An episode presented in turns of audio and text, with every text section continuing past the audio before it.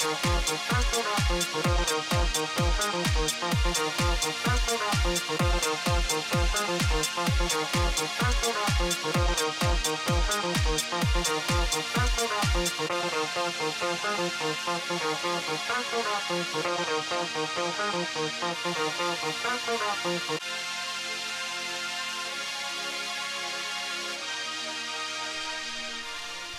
Avsnitt 15 av Danspodden Isadora anmäler sig. Hej! Och vi går raskt in på en tongivande koreograf och dansare som sätter upp sitt livsverk faktiskt på Dansens hus i Stockholm och döper det till Striving to Achieve. Inte I Achieved, utan Striving to Achieve. Personen jag talar om heter Ambra Suchi och var en av de tidiga medlemmarna i streetgruppen Bounce. Vi satte oss i en liten loge dagen innan nypremiären. Och så pratade vi, eller försökte prata och höras också, så gott det gick medan dansarna där utanför åt lunch och tjoade och dansade salsa. Men det här är ingen djupare intervju. Det kommer en framöver. Men det är ett välmatat samtal ändå, så in och lyssna. Nu sitter jag här med Ambra Succhi, eller Succi, Succi det är ju italienska. Eh, eller du är dansare och koreograf, VD och konstnärlig ledare för Diambra Dans AB. Du har en italiensk far och en finsk mor. Och du är född i Finland i Helsingfors. Helsingfors, ja det var det. Men har sedan du packade din väska och drog till New York rest, upplevt och överlevt stora delar av världen. Du blev känd för den breda publiken genom Bounce Street Company och eh, har koreograferat musikaler och artister sedan dess. Och Bounce Street eh, Dance Company, ni hade er avskedsfest tänkte jag säga, men i alla fall dans för utsålda hus på Globen 2010. Och sen dess så har du koreograferat musikaler och artister hur mycket som helst, jag tänker inte nämna alla. Men två vinnarbidrag i Melodifestivalen, det var 2012 och 2013 va? Då var det Loreen. ja, och Robin Stjernberg har båda burit in koreografi. Och jag skulle säga att din stil är hiphop, contemporary dance och så var det inslag av afro. Ja, du, ja det är väl något sånt att folk frågar jämt vad är min stil? Jag brukar inte längre kategorisera min stil, utan det är jag. Eh, precis som om jag skulle fråga dig, hur är du som människa? Mm. Då kan du inte sätta ett ord på det. Nej. Som man gör om, man, om, om jag säger jazz så får ju alla direkt en bild. Just Det är som att säga, jag är bara glad. Ja. Jag är bara sur. Och det är så jag ser dans. Liksom. Allt, uh, det är mer erfarenhet, uh, jag har rest, så plockar jag med mig saker. Mm. Och det färgar allt jag gör, oavsett om det är hiphop eller jazz eller contemporary. För att ofta just när jag gör sån här där hiphop, ja men det där är ju så contemporary, för de tycker det är jättesvårt och Mm. konstigt. Och, och sen när jag gör samma, exakt samma material med contemporary dansare, de bara, men gud det där är så hiphop. Ja, jag vet, för det finns element från, så att alla kommer känna igen sig i något Mm. men man kommer känna sig obekväm för det är något jag har lagt till Mm. eller tagit bort eller ändrat på. Så det är väl det som är, det är min identitet, det är min personlighet. Liksom. Och jag brukar säga också, så har jag inrett mitt hem. Om man Mm. tittar, det är från, lite från varje världsdel. Liksom. Man, jag älskar färger, jag älskar mycket. Jag liksom, ja, det är en, en, en salig röra utav, och det är just den röran som gör att det är jag. Liksom. Men skulle man kunna kalla din dans eklektisk då? Alltså att du är en sån som har plockat med dig delar?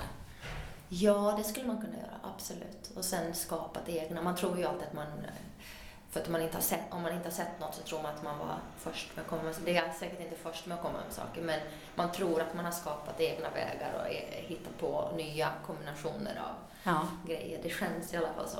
ja. Ja, så både och. Men gör du det ofta? Känns det som att du så här, åh nu har jag hittat någonting här som... Mm. Ja, gud ja. Ibland undrar jag hur jag hittar. Folk frågar, hur kom du på det här? steget? Eller den här koreografin? Hur? Senast igår var det en av dansarna i den här showen som frågade, men hur kom, alltså, va? Och jag bara, jag vet inte. Jag satt på musiken och så började jag röra mig och så sa jag, jag hade en massa folk runt omkring mig. Det var danselever då bara. Vad gjorde jag? Vad gjorde jag? Vi gör så här, vi gör så här igen. Det här var kul. Jag gick i någon slags impuls, instinkt, improvisera och sen fångar man det man kommer ihåg. Det som gav mest intryck. Mm. Eh, och så börjar man laborera. Det är jättekul. Men du litar mycket på den känslan? Ja, gud, det är ju jätteläskigt. För att sekunden du frågar mig så, så säger jag nej, det gör jag ju egentligen inte. Så man får ju inte tänka efter. Nej. Man, man måste bara gå på den här impulsen liksom. Men vad blir kvar hos dig då, alltså eh, av det som kommer? Jag tänker, vad, vad väljer du att, att ha kvar? Är det sånt som... Allt jag kan komma ihåg försöker jag. Verkligen så här. För det är ju liksom, jag analyserar ju själv andras koreografier och mina egna koreografier och vad jag ser. Vad, vad är det som, som fastnar på, liksom, vad är det man kommer ihåg efter du har sett en hel föreställning? Även ett jättetränat öga. Hur många steg kommer du ihåg? Ingenting. Alltså man kommer ihåg en känsla, en bild. Möjligtvis om någon gör ett trick, och den där gjorde en volt. Eller om man gör 32 piruetter. Ja, det kommer man komma ihåg. Men resten av stegen kommer man inte ihåg. Det är ju hur man har satt ihop dem. Känslan personen bar på. Relaterar jag till det eller är det just en jättestark bild? Vad är det, liksom, mm. vad är det jag vill säga som koreograf? Mm. ibland spelar det inte alls roll om det var höger ben eller vänster ben. För ibland är det alltså, men vad menar du att det spelar ingen roll om jag går med vänster eller höger? Mm. För vissa vill ha exakt hela tiden. Så, uh, nej men det är inte viktigt just där, för jag tittar på ditt uttryck i ansiktet. Du ska höra Sen ska du vända på dig, du ska se och du ska gå. Det vill säga, du ska vara människa i första hand, dansare i andra hand. Och ibland är det jätteviktigt tvärtom, att mm. du måste vara den där som är bara grafisk, som mm. utför. Du kanske förhöjer någon annans status genom att göra något exakt på en timing, en liten detalj, eh, en knyck eller någonting. Mm. Och då är det inte jättenaturligt, utan det, man går på en, en visuell eller musikalisk cue. Liksom. Mm. Så det är väldigt olika. Men jag tror jättemycket på instinkter, den första impulsen. Liksom. Mm. Sen kan man ju välja att uttrycka samma sak på en miljon olika sätt. Exakt samma känsla. Liksom. Ja, just det. Hur mycket är dansarna med och, och inverkar på själva slutresultatet? Alltså, ja du, alltså de, de kommer ju inte med koreografi, det gör de inte.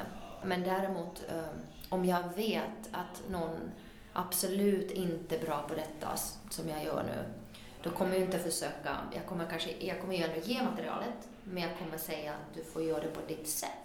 Sen kommer jag säga att nej, här måste vi gå lite mer tillbaks till det original med vissa. Här kan du vara helt fri. Så man hittar någon slags, det är ju fortfarande, det är min historia.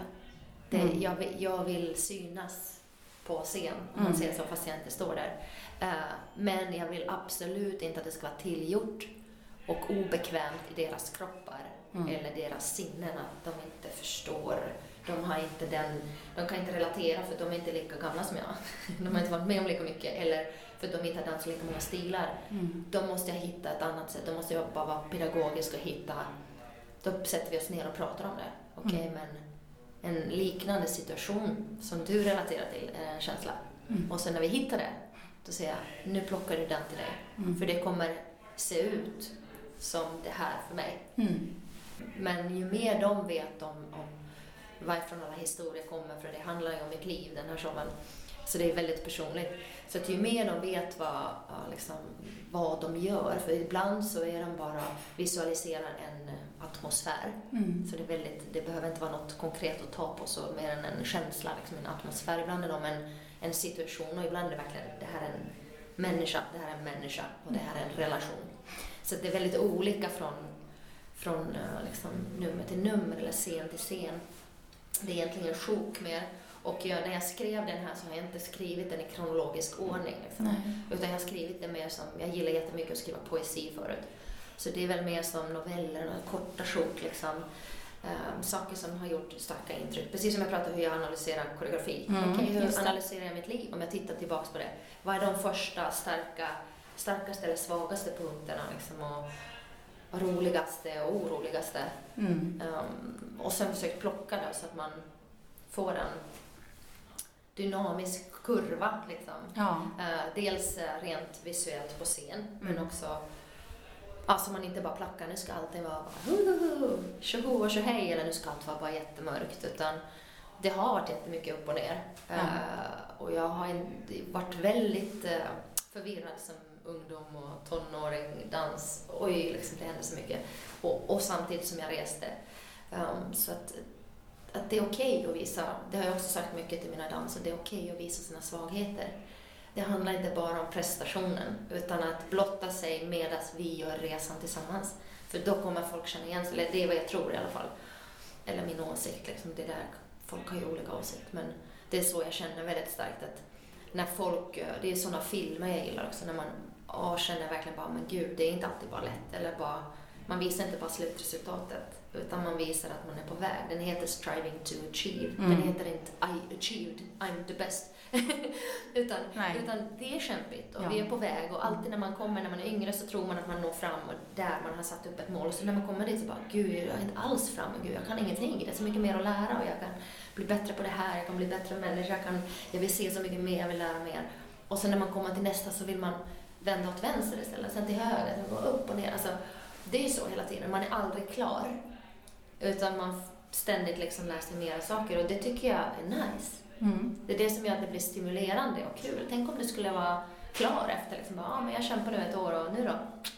Vad ska jag göra liksom? Mm. Um, så det, det är spännande men det är ju det är såklart läskigt för det finns inga garantier om hur det kommer gå och vad folk kommer tycka. Just det här att man sätter ju fram det här upp här och jättekul att jag får dela med mig samtidigt som alla kommer sitta där och tycka jättestarkt saker om mitt liv. Det är det som mitt liv, det är inte bara en så här, nu ska vi göra liksom en känd story från förut som alla känner till utan det här är verkligen saker jag har upplevt.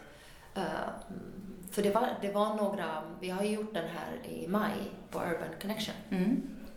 Och då var det någon som hade tyckt någonting så här typiskt mig, så här jättekänsligt. Att, ja ah, men det där ena numret, du vet, varför var det tjejerna där och killarna där? Det är så himla klyschigt. Jag bara, men Mm. det är en situation.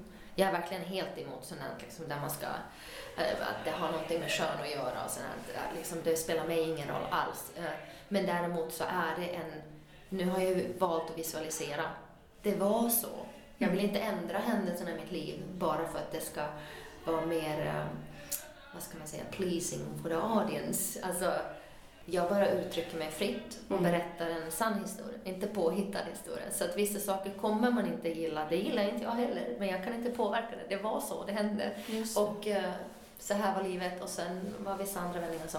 Och det var ju bara en liten sak, men det är så typiskt, eh, ja man är så pass känslig när man har valt plötsligt att och jag brukar aldrig prata om så här som i alla som har jobbat med mig jättelänge, som känner mig jättenära, Mm. väl och så här bra.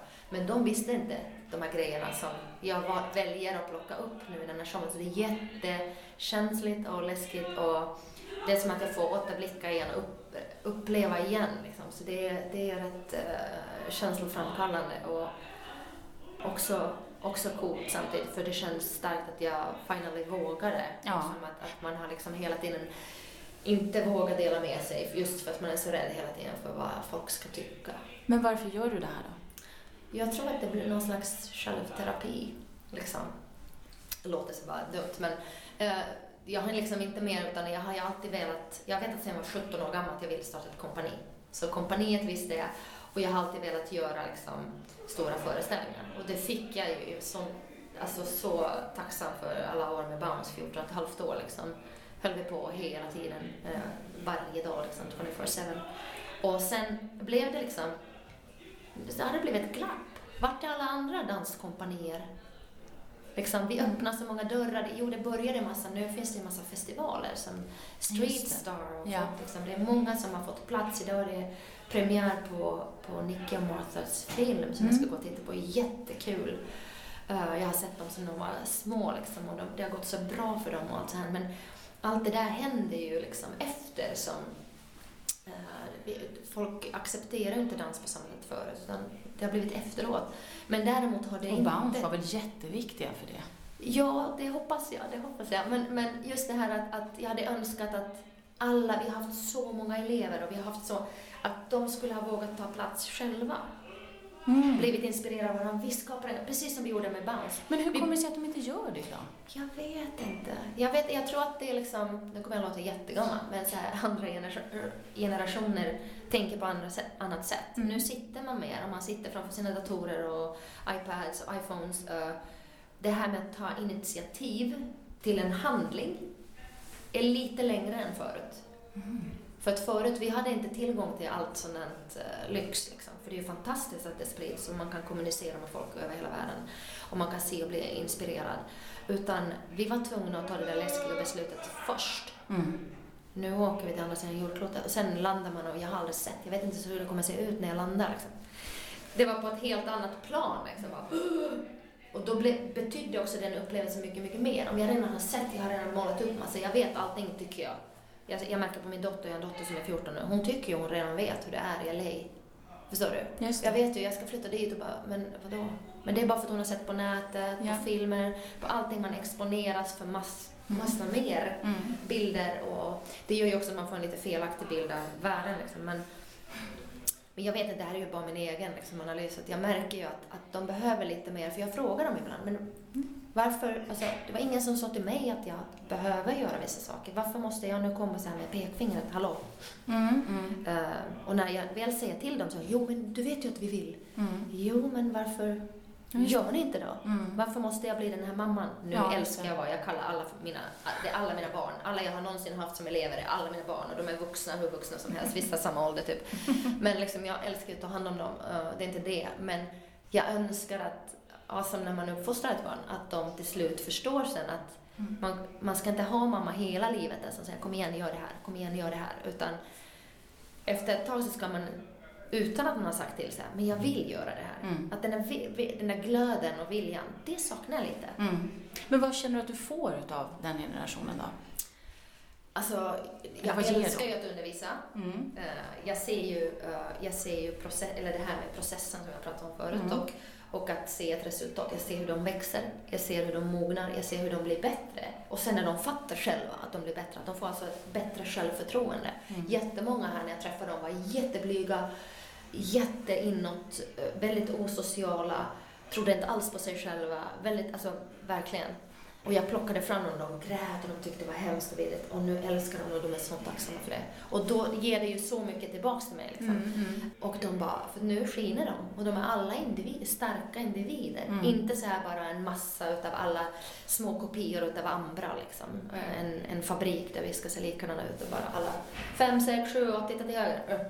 Utan, utan um, det är klart att man kan det också om man vill, men alla vet vem de är. Och det tycker jag är stort, för det vet inte ens många vuxna liksom, i, i, i vanliga världen, höll på att säga. Inte i dansvärlden menar jag. Nej. Så att, eh, Jag tänker, vad kan vi eh, i vår generation då lära oss av den nya generationen? När jag tittar på mina barn som Mm. är fem och sju mm.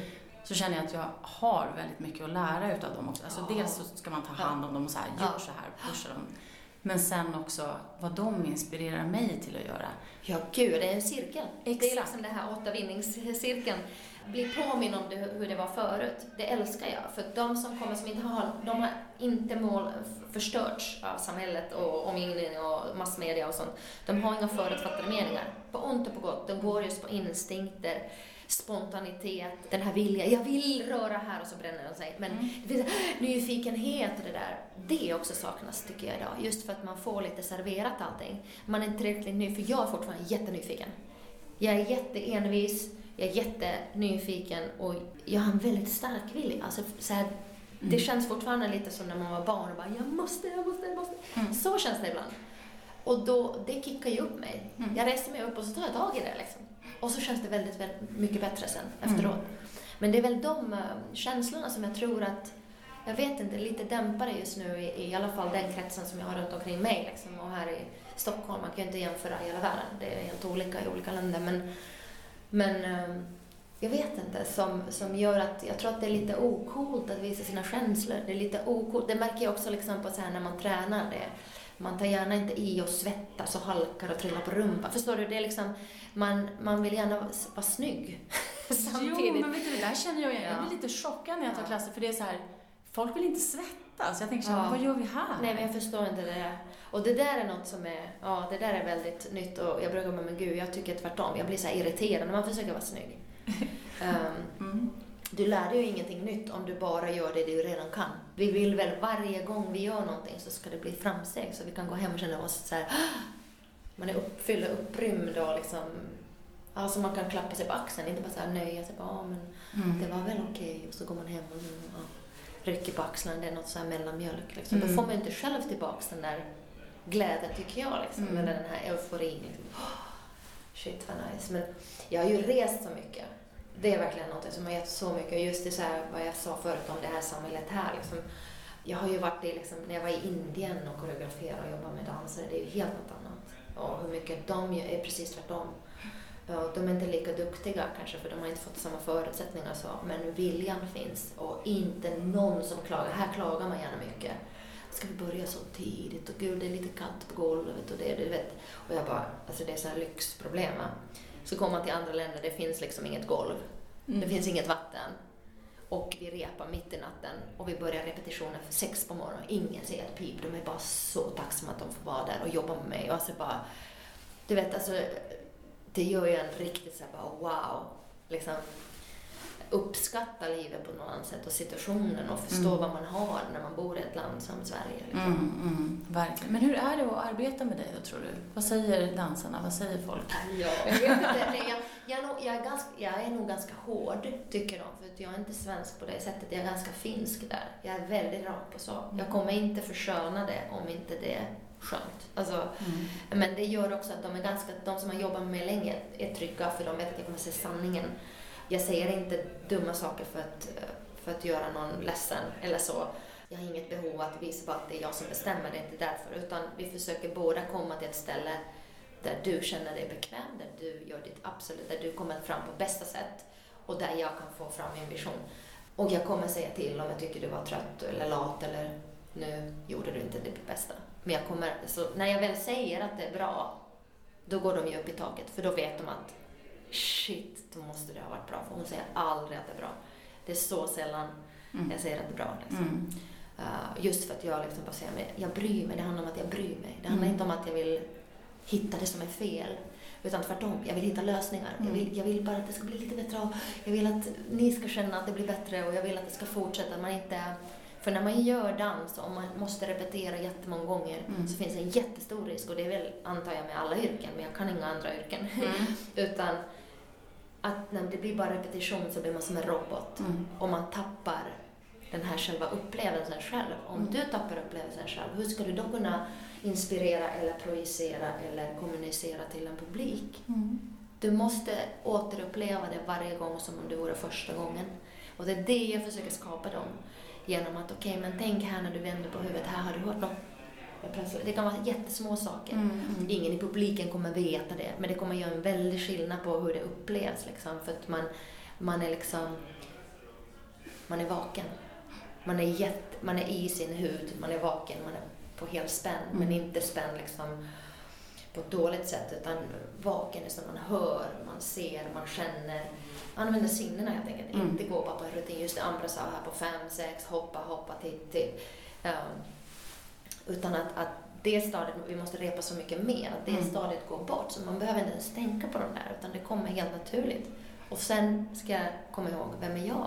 Mm. Om jag, den här jag-personen, gör detta steg, kommer det se ut på det här sättet. Om du gör detta, samma sak, Mm. kommer det se ut på ett annat sätt. Mm. Och det är lika viktigt för mig. Är det så att de här dansarna också, alltså att man tar med sig sin historia alltså på... Ja, det vill jag. Det vill jag. Och jag väljer ju alltid högst olika typer av danser. Väldigt ofta är det med hur plockar du dem? Alltså då kan man vara jätteotajt. Och det är helt sant. Det är en mycket svårare process.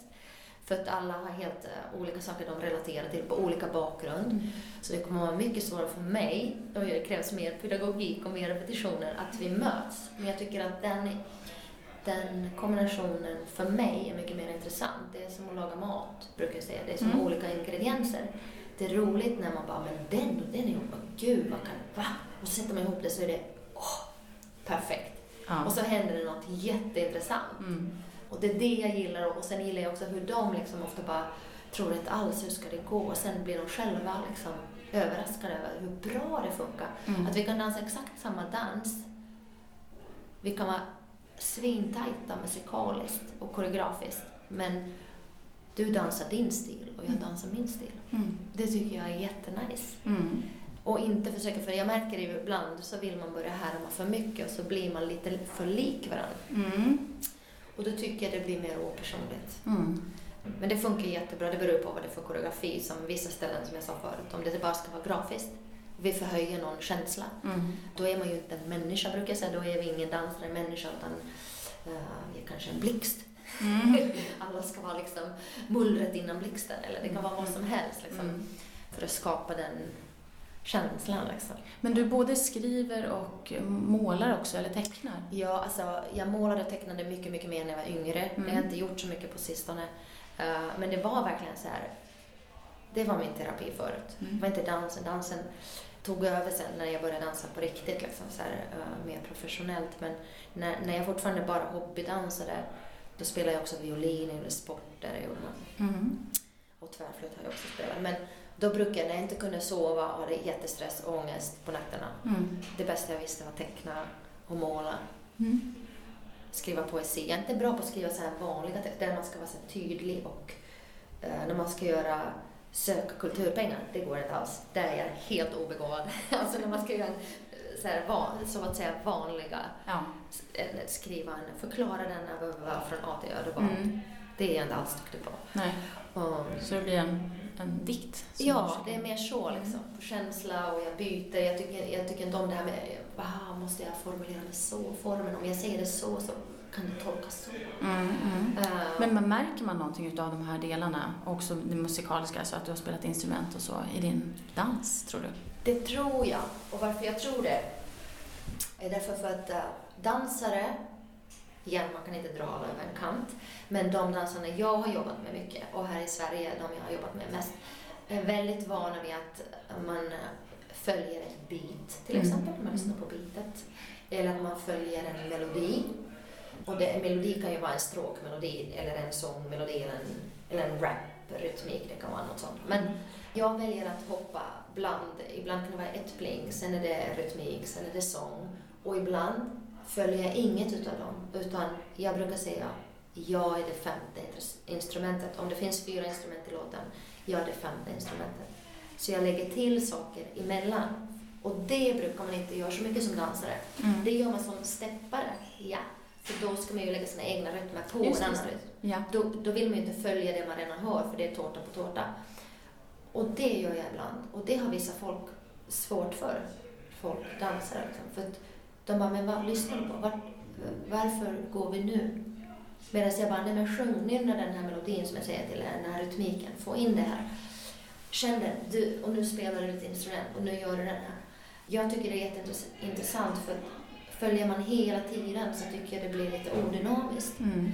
Eh, Men den just, den, eh, det sättet att se på musik och lyssna på musik tror jag kommer mycket från att jag har spelat instrument. Så att jag vet inte. Och sen när jag var riktigt ung, när jag spelade violin innan jag spelade tvärflöjt, då komponerade jag till dem. Nu har jag glömt hur man skriver, äh, läser ens noter, men då kunde jag skriva noter och allting. Då kunde jag skriva såna efter med Mm. mina egna trudelutter. Liksom. Men Mm. då måste man ju tänka däremellan. Liksom. Just Om det. jag hör trumpeten här, Mm. tänker jag bitet där. Mm. Då hör jag, jag hör liksom en som inte existerar. Mm. Man lägger Mm. till en. Och det är det som jag gillar att ibland lägga någonting emot. Mm. Eller till exempel också bara kontrasten att om det är jätte, jättemycket bit, det går jättefort och det är så mycket instrument, det är så massiv musik. Då kan du inte, som en, du kan inte förkroppsliga lika mycket lika länge. Nej. Och det blir också tårta på tårta. Utan då tycker jag det är mycket mer intressant att jag kanske rör mig slow motion. Jättelite. Medan det händer massor, massor i musiken. Mm. Lite som jag gör med så här krigsfilmer. Ja. Ju brutalare, ju hemskare saker du ser, det bara sprutar blod, lemmarna flyger, så har man en jättefin låt. Någonting jätteskört fint liksom. Mm. Och det gör ju att det blir ännu brutalare. Och det är kontrasten. Mm. Inte att man följer med liksom. Mm. Men måleriet då i kostym och ljus och så nu som du arbetar med, så tror du det sitter där? Ja, det tror jag. För jag tänker jättemycket på färg och vad färg ger för känsla. Trygghet, om det är en kall känsla, varm känsla. Mm. Ja, det skapar ju rum. Om jag vill känna mig jätteensam på en jättescen eller om jag vill känna att rummet är litet med mig, då så ensam. Alltså det, blir Mm. verkligen, det kan bli en helt ny betydelse. Mm. Så jag, jag tror att det... Och det är på samma sätt, jag brukar liksom...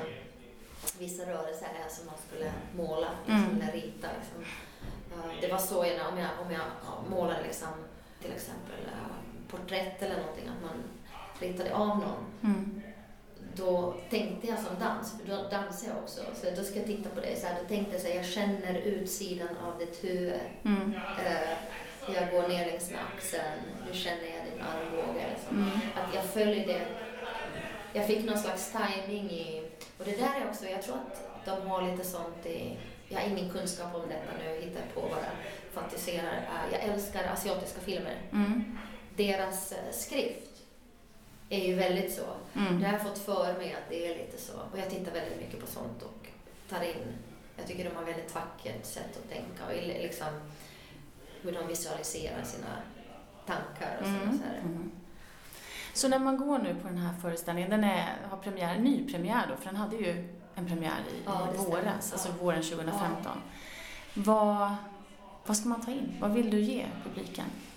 Jag hoppas att publiken är öppen, att man inte försöker tolka för mycket. Så här, det är liksom, eh, det är inte Svansjön, där man följer så här, och en huvudperson och man går från, liksom, från början till slut. Det finns många funderingar. Jag tänker lite högt, jag tänker lite tyst. Men det är som att titta på en tavla när man målar. Alltså, alla kommer att titta på den samma tavlan och alla kommer att uppleva helt olika saker. Och jag har gjort den för att det, ska, det är tillåtet att tolkas på olika sätt. Ni behöver inte förstå mitt liv. Jag vill bara att ni är öppna, ta in och titta liksom. Och eh, i våras, sen i våras så har jag faktiskt gjort ganska stor, jag ändrar hela ordningen på showen. Mhm. Så om man sett det förut så tror jag att det blir en, en ny upplevelse. Mm. Exakt samma händelser, samma liv såklart. Men eh, just eftersom det inte var kronologiskt så spelar det inte så stor roll. Men det blir för upplevelsen en helt annan, vi börjar i ett annat ställe i mitt liv Jaha. som är väldigt annorlunda än vad det var förut.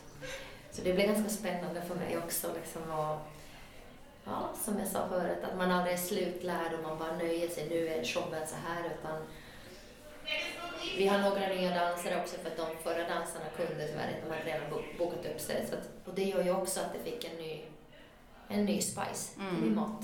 Ja. Så att eh, det kommer, det kommer bli en lite annan rätt. Men att den kommer upp nu igen och att det blev extra föreställningar och så måste ju tyda på att det finns ett sug. Ja, det är ju helt fantastiskt. Det trodde inte jag på. Fantastiskt kul att det finns ett intresse. Mm. Härligt, härligt, härligt. Jag har jobbat så länge på att skapa det här kompaniet. Liksom. Sen Bounce slutade, innan Bounce slutade, när vi hade Mm. tagit beslutet att Bounce skulle sluta, Mm. då började jag ju planera såklart. Mm. För jag ville inte att det skulle bli något glapp emellan. Och vad ska jag göra? Gud, jag... Eftersom jag har vetat sedan jag var 17 att jag ville göra det, men det fanns ju inget utrymme i mitt liv. Mm. Um, så var jag att nu är det perfekt, nu ska jag hitta personer. Och det tar ju längst tid. Att Mm. hitta, just eftersom jag har en speciell smak eller Mm. liksom åsikt om hur jag gillar att komponera de här grejerna. Vilka liksom komponenter som uh, blir min typ av mix. Mm. Och sen är jag jätte, jättenoga med hur de är som människor. Mm. Eh, Jag tar inte bara de bästa dansarna. Du måste också vara en viss typ av, ha viss typ av värderingar. Mm. För det är många dansare, tycker jag, som inte, ty- tyvärr inte värnar om sina medarbetare på samma sätt eller sin, Nej. sin eh, ta vara på stunden när man är där och sitt instrument och ta, liksom, jag Ja. vill ha folk som är på samma nivå liksom, mentalt Ja. oavsett ålder. Utan Mm. just det här inställningen till saker och ting. För Mm. då behöver inte det behöver inte kännas som måsten. Då blir det inte det här, men hallå, har du inte repat? Eller Mm. varför kommer du sent nu? Utan alla vill, den där viljan måste finnas där. Ödmjuka människor som jobbar hårt och som bara hjälps åt. liksom. Mm. Tycker Ödmjukhet är en del som är viktig. Ja, det är jätteviktigt tycker jag. För att, um, det blir konstigt om någon ska spela diva. Det Mm. blir, behöver inte bli konstigt för mig. Jag kan ta det. Jag, är så pass, jag har varit, I've been around, så jag, Ja. kan, jag kan ta det. Jag kan sätta personen på plats. Men dels så gör det att jag blir en människa som inte jag vill vara. Jag vill inte vara den som bara, du där, tisch. Jag kan göra det anytime, any day. Men jag vill inte. Därför väljer jag att omge mig med folk som gör mig till den personen jag vill vara. Mm. Så att det finns ett ge och ta åt båda hållen. Liksom. Jag vill inte ha de personerna runt omkring mig som plockar fram alla mina sämsta sidor. Nej. Så. Mm. Och det går ju åt båda, det är alltid båda hållen. Det Mm. speglar liksom. Mm. Så att um, det där, och ju mer, ju, ju äldre man blir, ju viktigare tycker jag att det är. Jag tänker inte ta den där coolaste dansen som är bäst, som är jättedivig, som aldrig kommer och som alla kanske ser upp till. Men alla tycker egentligen att det är helt vidrigt det den säger eller gör eller någonting, eller mår dåligt. Så här. Och då vill jag markera att jag tycker inte att det är okej. liksom. Mm, mm. Jag vill för att sekunden jag skulle göra det och anställa någon sån och ge plats till någon sån, då kommer ju andra tro att jag accepterar det. Um, Just det. Signaler. ja, signaler, jag tycker det är jätteviktigt. För jag vet att folk ser och, följer mina handlingar. Mm. De som vill gå mina fotspår. Jag har jättemånga liksom, yngre dansare som så, så jag det är klart att jag inte är perfekt och jag måste vara hela tiden jag är människa, men jag försöker tänka på det där och vara en bra förebild. Dels till min dotter också som jag har, men, men just för var, är, det är en svår värld Mm. och man blir hela tiden stirrad på. Och när man, när man sätts i ett hörn och blir stirrad på så kan man ibland göra väldigt konstiga saker. Fast man egentligen inte vill. Och då vill jag ju inte liksom... Jag vill peppa dem att, nej men stå på er. Gå på den där intuitionen liksom, som Mm. egentligen känns bäst. Som ni vet att, nej, men jag vill ju egentligen inte göra det där. Mm. Mm. Då ska du inte göra det. Det är ditt liv. Mm. Det är ditt liv och du, den tiden du ödslar på att plisa någon annan eh, kommer du aldrig få tillbaks.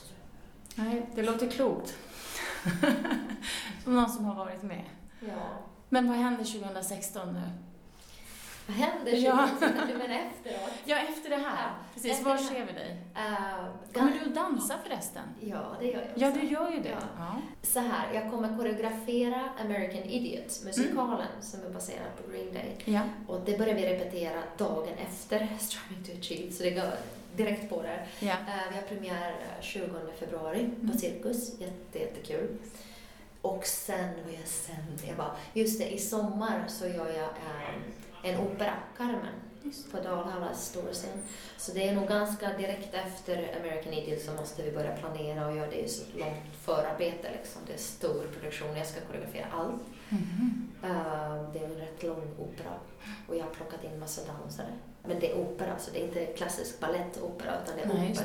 det. Ja. Så att, ehm, det kommer att vara väldigt intressant och jag har fått helt fria händer att ta in vilken dansstil jag vill, Mhm. koreografera helt hur jag vill.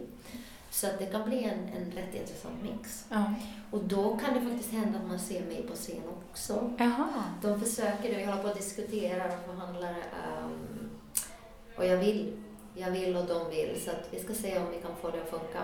Men hur känner du att, att det är? Att, alltså att dansa fortfarande? Jag älskar att träna hela tiden. Ja, du gör det. Eh, Jättemycket. Mm. Så det, det är mest att, att jag vill känna att jag räcker till. Mm. Bland de värsta käns- känslorna jag vet själv är när man känner sig otillräcklig. Mm. Och då är det bättre att bara inte vara glupsk och göra allt på en gång. Jag vill vara koreograf, jag vill vara dansare, jag vill vara artistisk ledare, jag vill vara det. Och så gör man allt på en gång. Nej, det kommer inte liksom... Jag kommer gå hem och vara ledsen sen. För att jag kommer ha gjort någonting inte så bra som jag ville. För jag kunde inte lägga hela hjärtat på det liksom. Så att jag... Jag måste hitta, det var det jag menade, jag måste hitta en lösning där. Jag tror att det går att laborera på. Jag behöver inte vara med jättemycket sånt. Man kan välja vart, det kan vara mindre scener, det kan vara så här. Men, men eh, om jag ska vara med så vill jag göra det bra. Mm. Så, Mm. Men hur gör du för att, alltså, tränar du dagligen? Och... ja, precis. Just Mm. nu har jag inte tränat. Jag har ju bara suttit på repetition. Jag är helt rastlös. Jag blir tokig. Jag, jag ger ju bara notes och sitter då med lurarna på och ger notes till teknik och ljus och ljud och dansare. och Liksom. Men annars så tränar jag, jag undervisar ju fortfarande. Jag, när jag koreograferar så visar jag, leker ju som jag sa förut, jag improviserar fram väldigt mycket. Mm. Och Mm. det betyder att jag måste oftast röra på mig väldigt mycket själv. Mm. För att man testar och testar och testar fram liksom saker. Just det. ja, absolut. Mm. Det jag märker är att återhämtningen tar ju längre tid såklart. Man måste värma upp mer. Uh, men än så länge liksom, så är det inte något drastiskt. som Det där kan inte jag göra med. Nej. Men gör du någonting annat än att dansa? Nej. Nej? Allt runt omkring. Det har ju bara ökat liksom. Jag har ju startat kompani då, jag har startat agentur, Mm. management. Mm. eh, Jag gör mer och mer så artistisk directing och jag har gjort min första DOP, kallas det för, Director of eh, Pictures. Jaha. Alltså när man, när man skriver manus till ja. vilken kamera, vilken, Just vilken bild. Inte så här moodboard, utan... Nej, nej, nej, utan till på, på det. två, två minuter och eh, 01 sekund byter vi till kamera 13. Just ja. så länge och sen, ja, sen eh, det fick jag göra, det gjorde jag ju med Loreen väldigt mycket också. Mm. Eh, Men eh, första gången jag blev anställd som det var nu sist när jag gjorde Eurovision för Azerbaijan förra året, då ville de att jag gjorde rubbet. Så jag gjorde rubbet, det var Mm. jättekul. Mm. Fantastiskt kul. Så det är ju liksom, man börjar från att jag koreograferar min och så blir bilden större, världen blir större. Precis som jag sa förut Mm. i livet. Man kliver dit, man tror man har kommit fram, så man nej inte alls. Så världen bara blir liksom större och större och större. Just det. Så man upptäcker nya saker, som det finns stimulans liksom, så att man inte känner att, att det bara blir rutin, utan det finns mer att lära och man Mm. kan bli så mycket bättre. Just det, men det gäller att vara öppen i situationer, men då blir man ju också lite mer sårbar. Ja, så är det ju verkligen. Mm. Så är det. Men vad fint! Tack så jättemycket för den här pratstunden. Tack själv. Vi ringde upp Anna Ångström som är Svenska Dagbladets redaktör för scenkonst och danskritiker för att be henne berätta om 2015 års highlights och slänga en blick på dansvåren 2016 och vara lite personlig gärna också. Det du kommer att höra är en kortare version och vill du höra mer kan du kolla in länken nedan där hon Alltså här nedanför, här. Där hon pratar om bland annat Svansjön-skandalen som retade upp både dansare och koreograf, bland annat. Ja, men om du gör en bakåtblick nu på dansåret 2015, vad är det första du tänker på då? Ja, då tänker jag faktiskt på Midsommarnattsdröm på Kungliga Operan. jag ser framför mig det här höet som kastas upp i luften och blir nästan som en slags rytmisk danskropp där i rummet.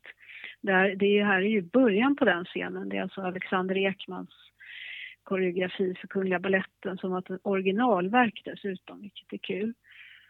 Och eh, ja, det var väl 40 dansare på scenen och det handlar ju då om midsommarfirandet. Men det, rör sig gradvis på något sätt bort till någon slags drömvärld och blir lite mer svart i andra akten. Och jag tyckte det var eh, visuellt väldigt kul att se förstås, men också hur han får operabalettens dansare att också våga visa lite andra sidor, bli lite mer teatrala. Verkligen bokstavligt talat i början då när Nadja Nadja Kjellrup tillsammans med hela ensemblen rör sig ut mot publiken och de har byggt ut scenen mot parketten så att de står nära, nära och tittar ut över oss och skålar och är sådär underbart fåniga som, som man kan vara på en fest. Jag tyckte det var väldigt kul och sen var det ju dessutom nyskriven musik och så var det en sångerska på scenen och sen så var det också installationer i, i pausen i foajén. Så att eh, både i trapphuset satt någon orkester och spelade och sen så i guldfoajén så, så var det dansare som stod på podier och dansade. Tycker Ja. du att det är typiskt för honom eller blev du förvånad eller? Nej, det är ju, det är ju typ, på ett plan är det ju absolut typiskt för honom. Det vill säga att det är inte alltid kanske det rent säga, koreografiska som är så intressant utan det är ju helheten och det, det visuella och hur, framförallt hur han kan arbeta med stora grupper av dansare. Det har han gjort med Cullbergbaletten och det har han gjort på Oslooperan och det har han gjort i Australien med någon balett som heter Cactus tror jag. Eh, så att ehm, på det sättet så var det inte överraskande. Men däremot så var det ju roligt att se detta göras i det stora operahuset med de resurserna. Vad tyckte du var roligast under det gångna året? Ja, alltså jag tycker faktiskt att det var... Vad ska jag säga? Det kanske inte hände så, sådär vansinnigt mycket som var nytt och överraskande i övrigt. Men däremot så var det många svenska relativt etablerade koreografer som, som gjorde väldigt bra... Ja, men de visar verkligen att de, de vet vad de håller på med, så att säga. För att nämna ett, ett exempel då så kan jag ta Jeanette Langert. Hon är verksam i Göteborg. Eller hon har sin bas där. Och hon har ju hållit på i flera år med att undersöka Strindbergs drama Fröken Julie på ett väldigt abstrakt sätt. Och ehm, eh, gör, har liksom plockat ut Fröken Julie för sig och gjort eh, två olika verk kring henne. Och nu i år så gjorde hon, eller förra året då, ett verk som heter Rans där alltså betjänten uppkomlingen eh, är den som är i fokus. Och då hade hon gjort det med tre manliga dansare, de var väldigt olika. Och det, det blev, ja det var formmässigt otroligt skarpt gjort och sen vågade hon ju använda både den klassiska balletten och tekniken men också jag skulle säga, jobba med kontraster mellan olika sorters kroppar, olika sorters, sorters förhållanden till tyngd och sådär. Och det här blev på något sätt som att Ran då i sin mest ballettdansade form så hade han bar underkropp och det var väldigt mycket accent accentuerat hur han rörde sina fötter och ben. Och det, eh, det blev liksom en slags femininitet över det som jag tyckte var så intressant. Det var som att han, han sänker fröken Julie då på ett sätt. Hon låter sig sänka som han så vill. Hon finns alltså inte med då i den här uppsättningen. Men Jean blev också en slags aspekt av fröken Julie. Och sånt där tycker jag är jätteintressant. Och sen måste jag ju nämna Helena Franzéns Out of Reach. Mm. På uh, Kulturhuset. Ja, där publiken satt runt scenen i hörsalen och fick iföra sig någon slags transparenta plastkläder som gjorde att vi alla var lite vita sådär, eller försvann i någon slags dunkel. Och sen i övrigt så var ju det också ett väldigt liksom, fint utmejslat dansant Helena Franzénverk. Ja, men man, jag kan hålla på sen, men jag, jag, tycker faktiskt att det, om man tänker tillbaka så, så tycker jag ändå att ja, 2015 var ett starkt svenskt år helt enkelt.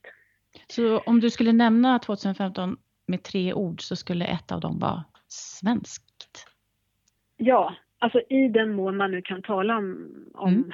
nationalitet när det handlar om dans. Men, mm. men eh, då menar jag liksom, ja, koreografer verksamma i Sverige då helt enkelt. Mm. mm. Finns det några andra delar som du skulle lyfta då, som du nämner 2015 med tre ord? Transformation, kropp. Det hänger ihop lite där. Det är spännande, det har ju pågått ett tag men det, det är ju rätt många verk som handlar om det här med både hur vi, kroppen som en slags objekt och allt det här och hur man använder kroppen i medvetet eller omedvetet i samhället på olika sätt. Man läser av den, man har förutfattade meningar, man kan också förvandla den. Man kan eh, göra den politisk, man kan eh, byta genus på den. Och det är ganska många som jobbar med det på olika sätt. Det finns till exempel en koreograf som, hon är ursprungligen från Kap Verde men hon jobbar internationellt. Hon heter Marlene Monteiro Freitas. Och hon kom hit nu med ett solo som heter Guinche där hon, vad ska jag säga, det är som en slags lek med både alltså synen på kvinnokroppen. I början på föreställningen så har hon enormt tjocka läppar och ser ganska grotesk ut men samtidigt så ser hon ju nästan ut som någon sån här gammal kolonial föreställning om hur en svart person ska se ut undan för undan så demaskerar hon sig och kommer fram med som en helt annan persona på scenen. Hon har en sån här enorm vitalitet och energi. Jag har sett henne förut, hon är väldigt fascinerande. Sen var det ju också en ganska lustig historia med Cullbergbaletten då, förutom det här att de gjorde det här stora verket Figure C av eh, Deborah Hay och eh, Laurie Anderson som ju var deras säga, eh, portalverk då 2015 så gjorde de ju en mindre föreställning med två olika verk. Och det ena verket av, det var Ester Salamon, ja, just det.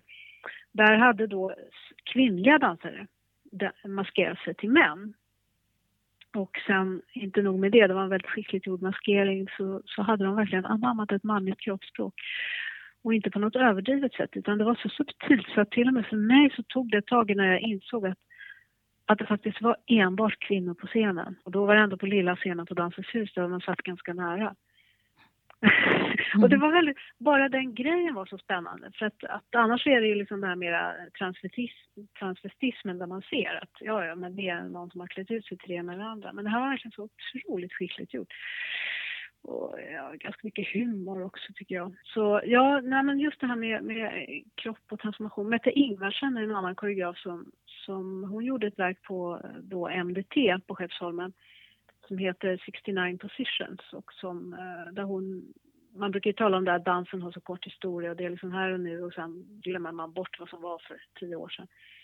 Men hon tog eh, avstamp kan man säga i 70-talet och New York och performance, också performancekonsten då när Alltså hon utgick helt enkelt från lite olika historiska, eller när, i vår nära historia, verk som, som har provocerat eller som prövade gränser och där inte minst då kroppen och nakenheten var en komponent. Som är också väldigt mycket var en spegling av den tiden, liksom 60 ja, det första var från 60-talet till och med. Och så gjorde hon eh, delar av, av de verken, eller delar av framförallt det, det ett verk då som hette Meat, någonting med kött, jag har glömt det nu men och så gjorde hon det så att säga idag inför oss och då Ja, men då undrar man ju liksom, betyder det här samma sak idag? Nej, det kan det inte göra, därför att vår samtid är ju annorlunda och likväl så är det väldigt intressant att se det liksom. Att någon som återupptar det. Hon berättade dessutom, hon hade bett koreografen som gjorde originalversionen att hon skulle återuppsätta det med de dansare som var med då från början. Men då hade de bara sagt nej, nej, nej, nej, det, det där var ett verk för unga kroppar. Vi kan inte göra det nu. så det, ja, men det, ja, det, det är väldigt Det är så oerhört många och det kommer ju sådana det fortsätter ju liksom. Ja, nej, men jag bara tänkte en, en annan liten miniaspekt av det där. Det, det handlar ju också om mer sådär tolkningsföreträde och vem är det som har rätt och ja, vem, vem har rätt att tolka någonting och säga att det är så här det är. Och då tänker jag på det här bråket med affischen för Mazek Svansjön på Operan. Eh, det var en av affischerna, men där ser man då en, en, eh, ett ansikte som råkar tillhöra Clyde Manuel Archer som gör prinsens roll och i, upp i hans ansikte trycks liksom en fot. Och eftersom Clyde är en då färgad svart dansare och foten var vit så blev det ett ramaskri på vissa håll De bara tyckte att affischen var rasistisk. Och det är klart, då, då, det, det handlar ju liksom om det här tolkningsföreträdet då. Vad jag vill säga med allt det här det är just det här med att, att kroppar är liksom aldrig oskyldiga. De, de betyder alltid någonting. Det, de, fin, de har alltid ett sammanhang och det kan liksom tolkas politiskt eller, eller i ett genusperspektiv eller i ett eh, perspektiv av vilka kroppar man får se på scenen. Alltså det finns ju också en stor diskussion om det här med kroppar som inte passar in i de dansnormerna när det gäller hur, att de har funktionshinder till exempel. Det är ytterligare en så här. Ja, det finns ju Candy Company från Storbritannien som var som var väl lite av pionjärer på det området. Um, sen finns det ju faktiskt svenska grupper också numera, Spin till exempel. Vad ser du nu fram emot mest med 2016 då? Då måste man ju börja på Stockholmsoperan. Kerper av Sascha Waltz som är ett stort verk med, det är egentligen en del i en trilogi som hon gjorde för 15 år sedan. Och det här är då första delen och så vitt jag förstår så har faktiskt Kungliga Baletten fått första tjing som utomstående kompani att dansa det verket. Jag såg det för ungefär tio år sedan och, och minns att det var väldigt starkt. För det, det handlar alltså om, hon har liksom särskilt kroppen som från själen nästan i det här verket och, och Eh, det är kroppen som materia och som skelett, hud, skinn, eh, som skinn, eh, vätskor men, men också på något sätt så handlar det om kroppens plats i historien. Hon gjorde det då när hon, Sasha Waltz, när hon var ny på Schaubühne i Berlin som är en teaterscen. Det var Thomas Ostermeier som bjöd in henne att hon skulle vara där med sitt kompani Sasha Waltz en Guests. Och då slogs hon av det enorma scenrummet som var där i Berlin. Och då uppstod liksom den där känslan av att, ja men var är, var befinner sig människorna och kropparna i det här?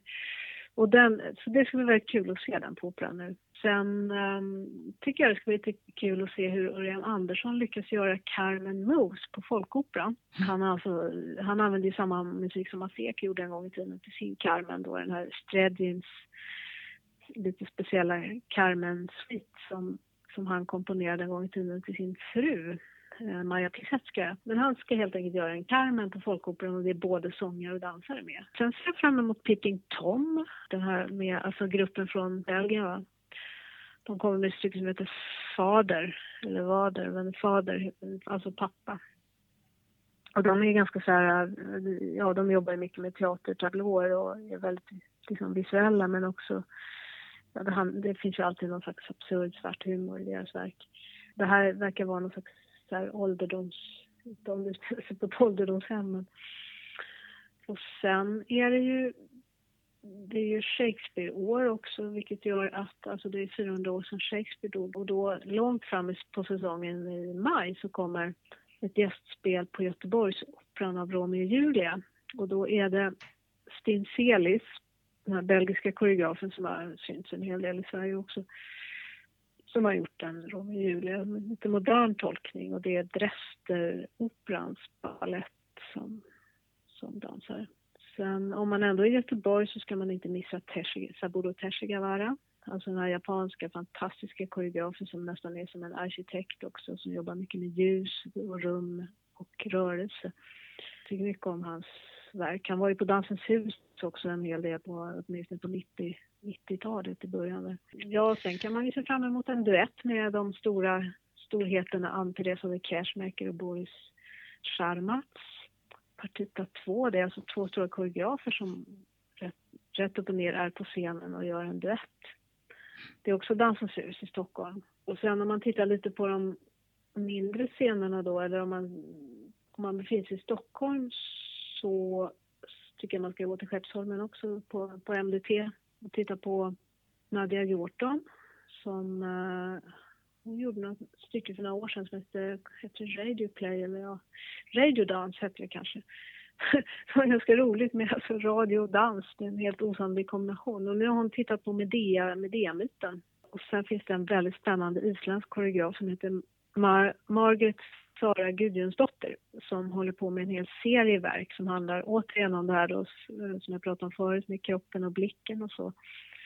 Jag har sett ett par verk av henne som jag tycker är helt fantastiska. Så hon, det, dansarna är liksom alldeles här väldigt långsamma på scen. Det är långa, långsamma sekvenser.